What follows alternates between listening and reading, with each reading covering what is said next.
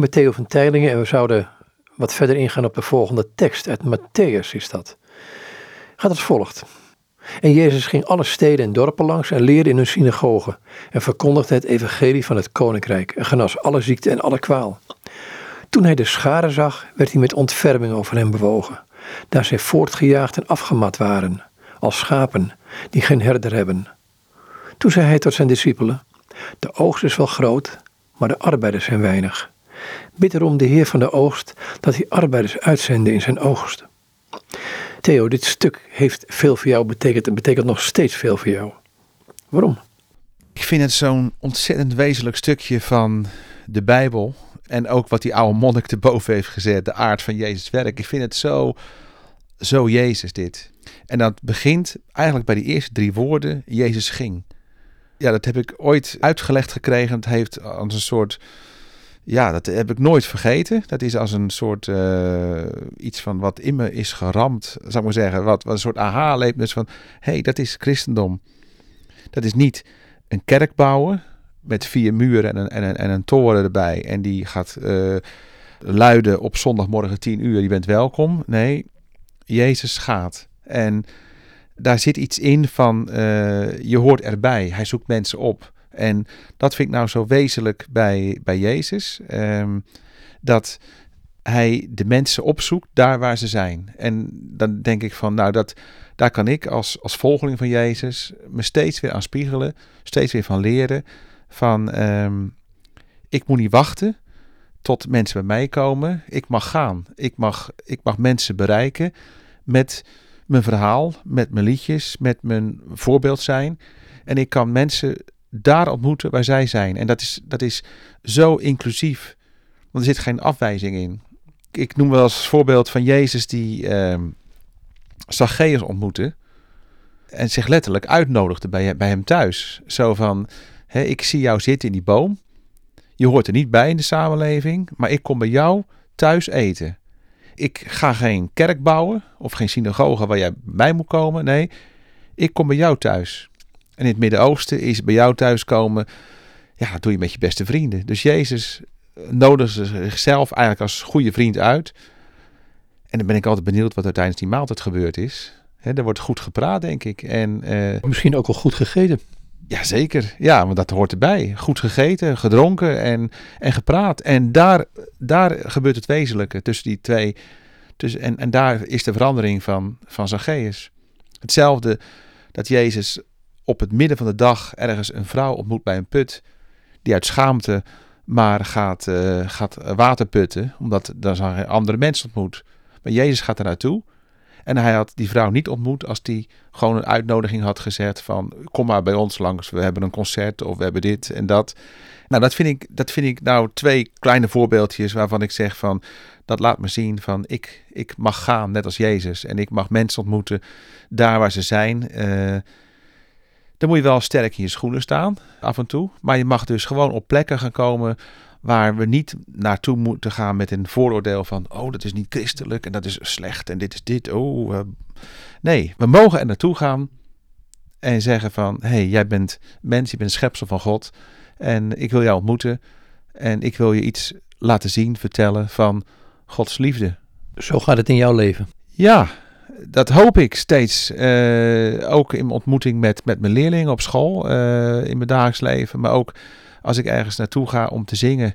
Dat ik denk van, ik, uh, kijk, ik, ik kom ook in kerken. En daar sta ik ook s'ochtends om tien uur. Maar dit is wel een leidraad die ik de mensen voorhoud. Zo van, dit is niet de kerk van zondagmorgen, maar we moeten de kerk van maandagmorgen zijn. Als de, als de zondag afgelopen is, het is, het is hartstikke waardevol om op zondag ergens te zitten om een moment van stilte te hebben, stel een moment van bezinning. Rust ook, de week door te nemen misschien met, met de Heere God en met jezelf. Maar dan de week ingaan en dan mensen ontmoeten. En dat betekent gewoon in je straat, bij je thuis. Laten we het niet vooral vergeten, dat, dat, dat, dat daar begint, bij je thuis. Je, je buren, mensen op je werk, uh, jongeren op school. Breng het geloof daar naartoe.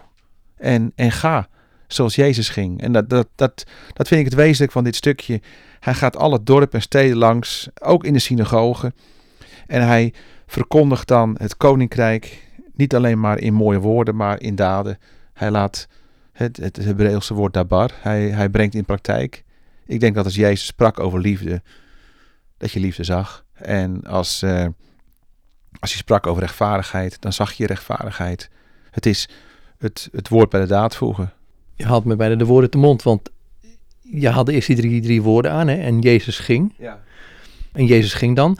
Um, maar je hebt drie, drie versen voorgelezen. Uh, de rest van het hele stukje, um, die heeft er een kort al iets over verteld. Maar wat voor implicatie heeft het voor jou? Wat, wat betekent het voor jou in de praktijk? Nou, ik, ik heb door uh, mijn tijd in Use for Christ, heb ik geleerd van, je moet dus uitgaan. Je moet niet zitten wachten tot mensen naar jou toe komen. Nee, je hebt iets voor de wereld. Er zit iets in, in christendom wat, wat ja, missionair is. Dat betekent niet dat we de Bijbel moeten nemen, iemand voor zijn hoofd slaan en zeggen: Ik heb de waarheid en jij moet het geloven. Maar het betekent altijd dat je het niet voor jezelf moet houden. In mijn leven is Jezus eh, eigenlijk een, een beeld geworden van iemand die, die reist. In, in heel veel liedjes die ik geschreven heb, komt dat in terug. En dan noem ik heel vaak de reiziger. En het is heel lang geleden toen ik met BNDK moest zong, had ik daar al een lied over gemaakt. Ik, latere cd's is dat teruggekomen. Ja, ik, ik heb op een laatste cd een, een, lied gemaakt van De Reiziger. En daar heb ik stukjes tekst van die oude uh, teksten in, in, in terug laten komen. Omdat ik denk van, dat is voor mij een, een, een, een eh, zo'n mooie typering van Jezus. De Reiziger. In mijn leven ook. En ik probeer daar ook achteraan te reizen, mee te reizen. En ik vind het ook een mooi, mooi iets in het leven. Je bent op reis in het leven. Je bent niet op één, één plaats star, zo van met muren, dit, dit is het.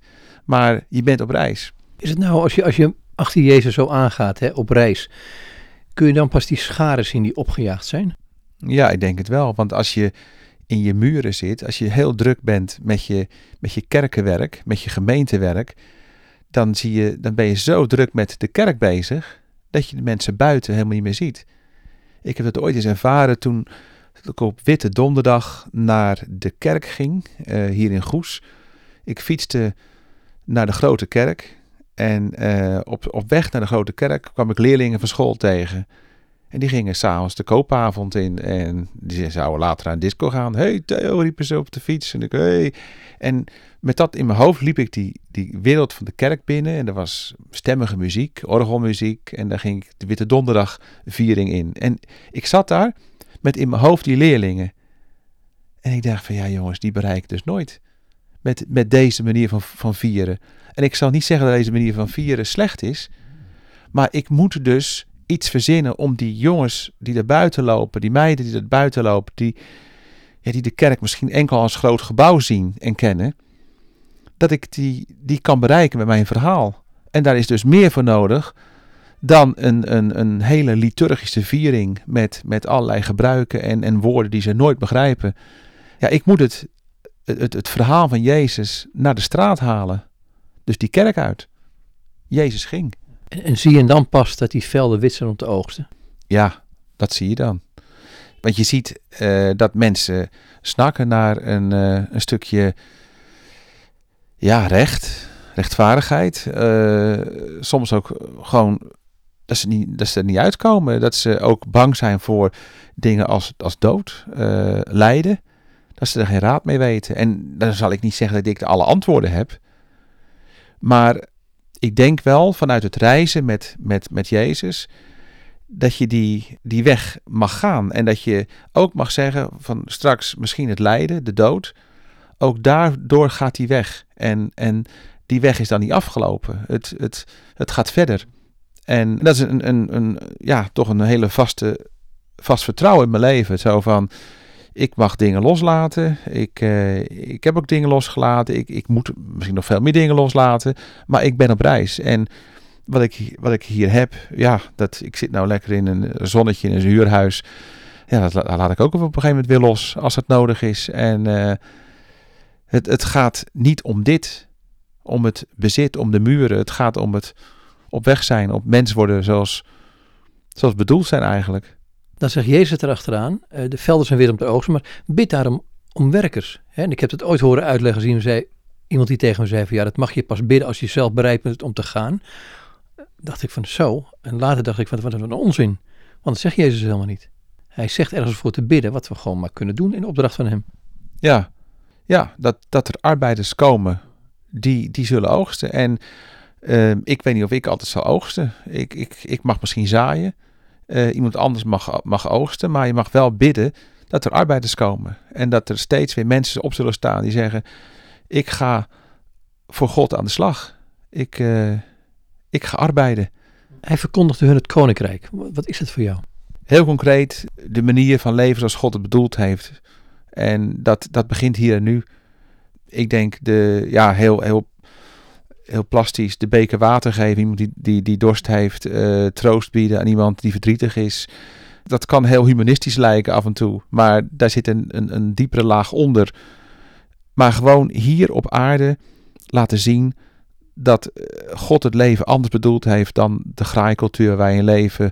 De cultuur van de ellebogen, de cultuur van uh, eens een dief, altijd een dief. De, de, de, vergeving, de liefde laten zien in, in de praktijk. Dat is het koninkrijk van God. En dat komt straks in zijn totale gebeuren, maar hier en, hier en nu kunnen wij als, als, om deze tekst maar even aan te houden, als reizigers mensen zijn die het koninkrijk vertegenwoordigen. En hier stukjes koninkrijk bouwen. Wanneer zijn die draaipunten in jouw leven gekomen? Dat is uh, ja, op, op, op, op mijn 16-jarige leeftijd. Toen ik heel bewust vanuit mijn hervormd zijn gekozen heb voor, uh, om, om, om christen te worden. En later is dat alleen maar gaan groeien. Ik, ik, maar ook daar zie ik weer de reis in. Ik, ik, ik heb toen heel bewust ervaren of, of geloofd van, nou, ik mag, ik, mag, ik mag me christen noemen, dan begin ik een reis. En die is nog steeds niet afgelopen. Die gaat, gaat door. En ja, daar maak je fouten op die reis. En je, je bent in, misschien in het begin heel fanatiek en zwart-wit. En, en je wordt daar milder in. Je, wordt de, de, je krijgt veel meer begrip en inlevingsvermogen voor andere mensen. Maar de reis is nog lang niet afgelopen en blijft spannend. En dan zijn het weer de eerste drie woordjes waarvan je zegt: en Jezus ging en, en je gaat met hem mee. Dus, dus dat veronderstelt een relatie in ieder geval. Ja, relatie met, met andere mensen, met Jezus. Maar uh, ik denk in de, vanuit de relatie met Jezus, ik noem het ook wel eens de intimiteit. Daar sluit je anderen niet buiten, maar dan nodig je ze uit. En je gaat, en doordat je gaat zie je die scharen, en dan?